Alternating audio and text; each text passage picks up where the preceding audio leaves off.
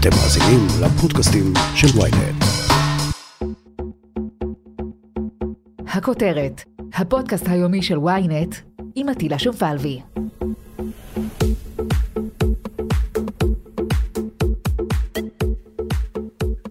שלום שלום, הפרק הזה מוקלט ביום רביעי אחר הצהריים, שעות ספורות לאחר שנתניהו איבד את המנדט, אבל לפני שהנשיא ריבלין מודיע מי יקבל את הזכות להמשיך במשא ומתן.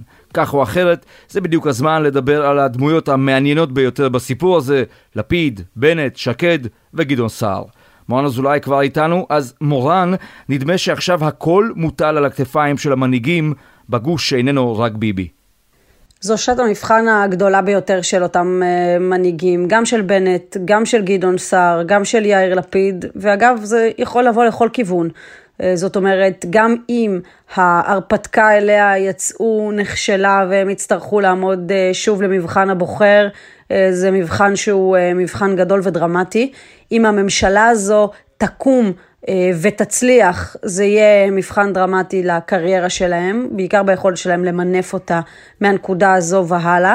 ואם הממשלה הזאת תקום, אבל תיכשל אחרי זמן מאוד מאוד קצר, אז זה יהווה כמובן אה, נקודת מבחן, היכולת אה, להשתקם, היכולת להתאושש מזה. אין שום שאלה שה... שלושה האלה למעשה עושים פה אה, דרך שהיא אה, דרך יוצאת דופן, דרך שאם היינו אה, חושבים או מנסים לשער לפני כמה חודשים שהם יצ, יצעדו בה, זה היה נשמע כמו מדע בדיוני, ממשלה שאין שום סיכוי שתקום, מרץ לצד בנט, אבתיסאם מראענה לצד גדעון סער, זה דברים שאנחנו, תרחישים שאנחנו לא מכירים.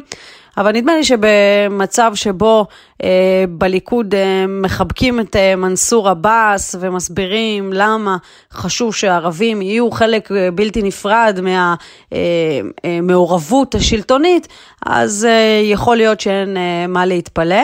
Uh, במובן הזה, לשאלה שלך, באמת uh, יש uh, תשובה אחת. זה המבחן הגדול, השעה הגדולה ביותר שלהם, בדרך להשיג תמונת ניצחון. בואי ברשותך מורה נתמקד רגע בבנט, האיש שלפי שעה לא ממש נראה שיש לו מה להפסיד. זה נכון לומר שלנפתלי בנט אין בנקודה הזו מה להפסיד, כי למעשה כל החלופות רעות. ללכת אחרי נתניהו ולהסתמך על מילה שלו, ואז אה, כהגדרתו לצאת שוב ילד הכאפות אה, של הליכוד ושל נתניהו, כפי שקרה כבר במקרים אה, קודמים בעבר, זו אופציה רעה. ללכת שוב למבחן הבוחר ולעמוד במערכת בחירות קשה ואכזרית, כשברור שכל האש תמוקד אליו, זו אופציה קשה ואכזרית לא פחות.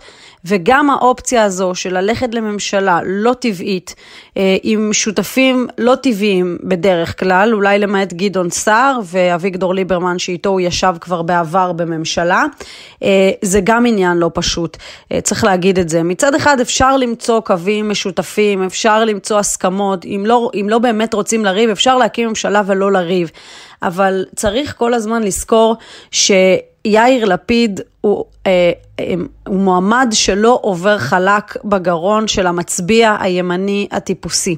לנפתלי בנט יש היום לפחות שלושה מנדטים מובהקים של ציונות דתית, שקשה להם עם ממשלה מהסוג הזה, ואם נפתלי בנט יצעד למקום הזה, הוא יצטרך גם לפייס אותם, גם להסביר בצורה טובה אה, למה הוא עשה את זה, מה היו המניעים, מה היו הסיבות, הוא עושה את זה, הוא מטפטף את זה כל הזמן, הוא לא משאיר את הזירה הסטרילית, לא לנתניהו ולא לאף אחד אחר, הוא תמיד נמצא שם כדי להסביר, אבל נדמה לי שתידרש פה עבודה קשה אה, כדי להגיד מדוע הוא הלך ועשה מהלך אה, לא טבעי. אגב, הוא לא הראשון שעושה מהלכים לא טבעיים, הוא לא הראשון שעושה מהלכים מדהימים, עשו כאלה בעבר, עשה אותם גם נתניהו כשנתן את תיק המשפטים לאיש כמו ניסנקורן, עשה אה, נתניהו דבר מדהים כשחילק ממשלה פריטטית למפלגה של 15 מנדטים כמו כחול לבן. אבל יש איזה עניין בימין, אה, שממנו גם נפתלי בנט וגם האחרים עוד לא אה, ממש מצליחים להשתחרר, שמה שמותר לנתניהו אסור לשחקנים האחרים. זה אה, היה הנוהג עד עכשיו, זה היה הנוהל עד עכשיו. היום בהתנהלות החדשה של נפתלי בנט הוא מנסה להשתחרר מהאזורים האלה, לקבע איזושהי משוואה חדשה לפיה מה שמותר לנתניהו מותר גם לי, זה אגב גישה שמאמץ גם גדעון סער.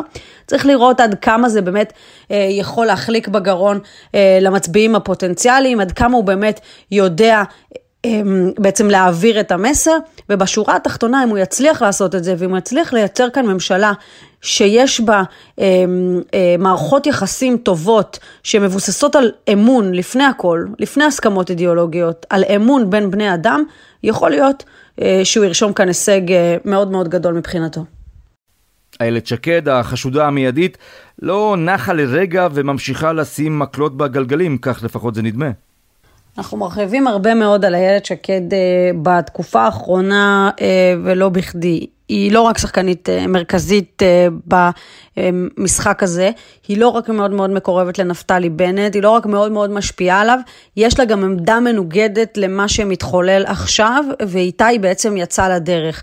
זאת אומרת, מהרגע הראשון היה די ברור שאיילת שקד מתנגדת לממשלת שינוי.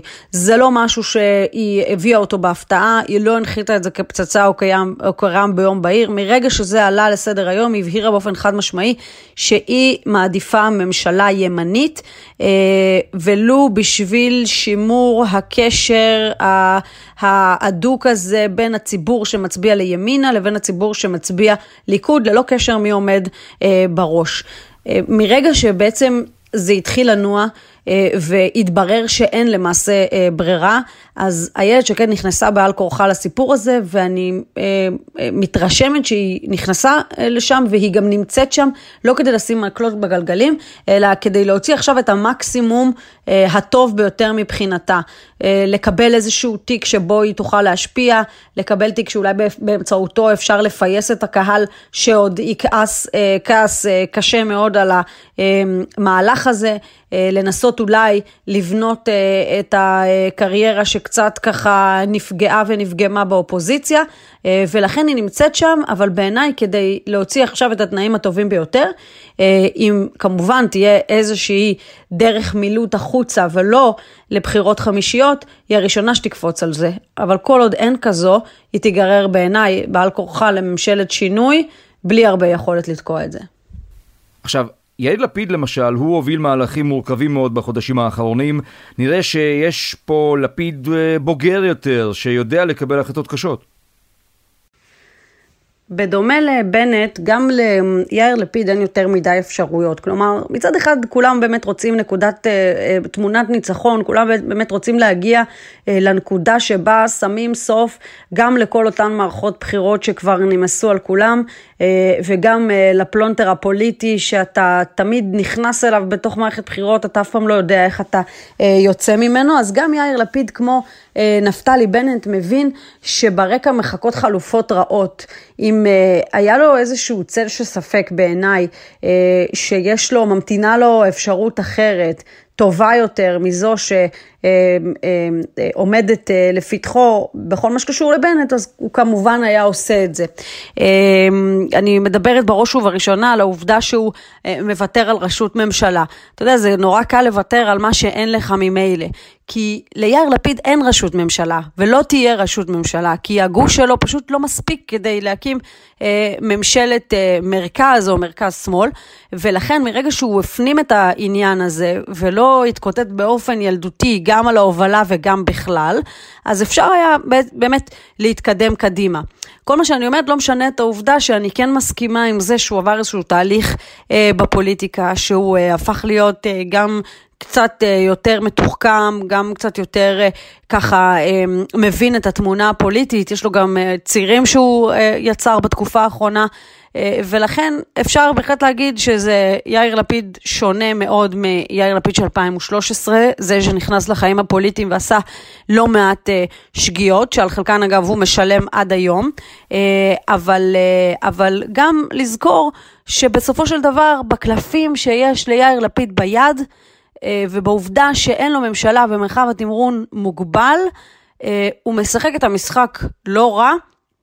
אה, לא בטוח שיש לו חלופות אחרות, לא, לא בטוח שהחלופות האחרות שממתינות לו בחוץ הן טובות יותר, ולכן אפשר פשוט לסכם ולהגיד שהוא משחק את המשחק באופן ריאלי, מציאותי. יהיה זה נכון לומר, מורן, שמה שיקרה מעכשיו הוא בעיקר על הכתפיים שלו, של לפיד, או שיש מי שחולק איתו את האחריות הזו? אני חושבת שבכל מקרה לא יהיה אדם אחד שיישא באחריות, משום שכל האנשים המעורבים באירוע הזה, חייבים דין וחשבון לקהל שונה לגמרי. מרב מיכאלי תיבחן על ידי הקהל החדש שהגיע בעקבותיה למפלגת העבודה הזו שהייתה כבר הרוסה וגמורה. נפתלי בנט יימדד על ידי אותם אנשי ימין, חלקם ליכודניקים לשעבר, חלקם אנשי הציונות הדתית, חלקם סתם אנשים עם נטייה ימנית שהלכו אחרי המסע הפרנסה שלו. יאיר לפיד בפני אותו אה, גוש שהולך איתו בערך מתחילת הקריירה הפוליטית שלו, אה, אותם 15 מנדטים יותר או פחות. אה, שמלווים אותו ועכשיו אה, בוחנים בזכוכית מגדלת את המהלכים האחרונים שלו וגם יבחנו את התוצאה. וגם גדעון סער, אותם מצביעים חדשים שהצטרפו אליו אה, בסיבוב הזה ובודקים בדיוק איך הכל ייראה ואיך, ומה התוצאה שגדעון סער מצליח לחלץ משרשרת ההחלטות האחרונות שהוא קיבל, כמובן אותו דבר גם לגבי ניצן הורוביץ ולגבי אביגדור ליברמן, כולם מבינים את זה, כולם מבינים דין וחשבון שהם יצטרכו לתת לתת לציבור, בדרך כלל ממשלה אה, הומוגנית, ממשלה ימנית או ממשלה, ממשלת מרכז-שמאל שקמה, צריכה לתת דין וחשבון פחות או יותר לאותם אנשים. במקרה הזה, יצטרכו לתת אה, גם מענה וגם להסביר את התמונה ולשאת באחריות כלפי ציבורים שונים אה, בתכלית, וזה גם האתגר של העניין הזה, אה, וזה גם למה אני אה, בטוחה שזה אה, פשוט לא יהיה אחריות של אדם אחד. כל אחד מהם יצטרך לעמוד בפני הציבור שלו. אה, ופשוט להסביר, להסביר אה, למה הדברים אה, נעשו, ואם זה יצליח, אז כמובן לקצור את הפירות וההישגים כל אחד בציבור שלו, ואם לא, אז גם באותו, באותה מידה. ואילו גדעון סער הוא דמות סופר מעניינת בסיפור, משום שהמהלך שלו, הריצה העצמאית שלו מחוץ לליכוד, היא שמנעה מנתניהו בעצם ממשלה. ועכשיו הוא אמור להיות הדבק, המחבר, המאחד, בגלל הניסיון וקור הרוח וגם האינטרס. כן, גדעון סער אה, לא רק אה, אמור להיות אה, הדבק, הוא לדעתי גם, גם היום כבר הפך להיות והרוויח את מקומו ככזה. הדמות שבעצם כל השחקנים ככה מסתובבים סביב הציר הזה שלו, ולא רק בגלל שהוא ושותפו לסיעה זאב אלקין הם בעלי הניסיון הגדול ביותר בכנסת וגם בממשלה, אנשים שמכירים טוב מכולם את היריבים הפוליטיים, את נתניהו, את הליכוד. ואת כל מי שבאים איתם במגע.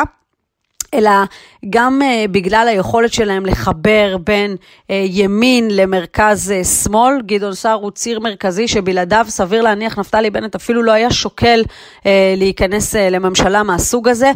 במובן הזה גדעון סער מכשיר את הדרך לנפתלי בנט, באומרו למעשה, אם, אם, אם יש ציר של נפתלי בנט, גדעון סער ואביגדור ליברמן, כמה שמאלנית כבר יכולה להיות הממשלה הזו, כמה פגיעה יכולה להיות בכל מיני uh, דברים שחשובים uh, לאנשי ימין, כנראה שלא uh, הרבה, ולכן הוא גם מכשיר מבחינת נפתלי בנט את הערוץ הזה, הוא גם מצליח לייצר יחסים טובים עם כל יתר השחקנים, שהם יחסים שמבוססים באמת על אמון, ויש לו אינטרס אחד, הוא גם מאוד מאוד, הוא גם מאוד, מאוד עם, עם ניסיון מאוד עשיר. אה, וגם באינטרס שלו בעצם אה, לקבל איזשהו אה, תפקיד מעניין, בכיר, שדרכו הוא יוכל להשפיע, אבל גם בעצם לתת פה איזושהי נקודת סיום, איזשהו, איזושהי נעילה של כל התקופה האחרונה. אה, אותה תמונת ניצחון שאנחנו כל הזמן מדברים עליה, שהנה הנה התחלף השלטון, שנתניהו למעשה אה, מפנה את בלפור, אה, וכפי שאמר גם אלקין וגם גדעון סער במילים כאלה ואחרות, נתניהו כבר לא כשיר במצבו לכהן כראש ממשלה, וזו למעשה תהיה התוצאה שתמחיש אולי בצורה הטובה ביותר את מה שהם אמרו כל הזמן עד הרגע הזה. מורן אזולאי, כתבתנו הפוליטית, זה ממש לא הסוף ואפילו לא ההתחלה של הסוף, אבל אולי, כמו שאמר צ'רצ'יל, זה הסוף של ההתחלה. תודה רבה לך. הסוף של ההתחלה, ההתחלה של הסוף, אתה יודע, עוד כל כך הרבה מים יעברו בנהר הזה אה, בימים הקרובים, הכל מאוד מאוד אה, נפיץ, הכל מאוד מאוד שברירי, גם המבנה הזה אה, שעליו אמורה בעצם להתבסס אה, ממשלת השינוי, אותם אנשים שלוקחים אה, חלק אה, בתוך האירוע הזה, גם אלה שממש אה, מחויבים אה, לדבר הזה ורואים את עצמם נכנסים לזה רק כדי לצאת עם תוצאה אחת, עם ממשלה שתקום בישראל בקרוב, גם הם יודעים שהכל מאוד מאוד שברירי, במיוחד מול שחקן כמו נתניהו שלא מרים ידיים ולא ירים ידיים עד הרגע האחרון, אם זה קמפיינים שיצאו לאוויר ואם זה לחץ שהופעל בכל האמצעים האפשריים על חברי כנסת, על עריקים, על דברים מהסוג הזה, תהיה כאן מלחמה. לא הליכוד אה, ילך מובס לאופוזיציה עם ידיים אה, ככה קשורות אה, מאחורי הגב אה, ואיזושהי השלמה, זה לא המצב, זה לא יקרה, יהיה פה מלחמה עד הרגע האחרון, ולכן... אם זה סוף של משהו או אם זה התחלה של משהו, זה עדיין מאוד מאוד מוקדם אה, להגיד. אפשר כן לסכם ולהגיד שיש כאן בכל זאת איזשהו עידן חדש, נגמר עידן השליטה המוחלטת האבסולוטית של הליכוד, העובד, הרגע הזה שהליכוד מושל באופן חד משמעי בגוש ברור ויציב, ונכנסנו לעידן אחר, לתקופה אחרת, הרבה הרבה הרבה יותר אה, שברירית, שאף אחד אה, לא יודע בה מה יוליד יום.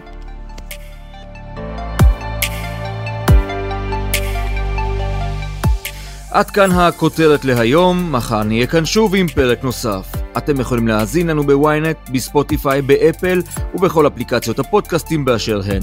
אם יש לכם הערות, בקשות או רעיונות, אתם מוזמנים ליצור קשר באמצעות האימייל podcaststrudelוויינט.co.il ולפנות אליי ישירות דרך הטוויטר או דרך הפייסבוק. נשתמע מחר.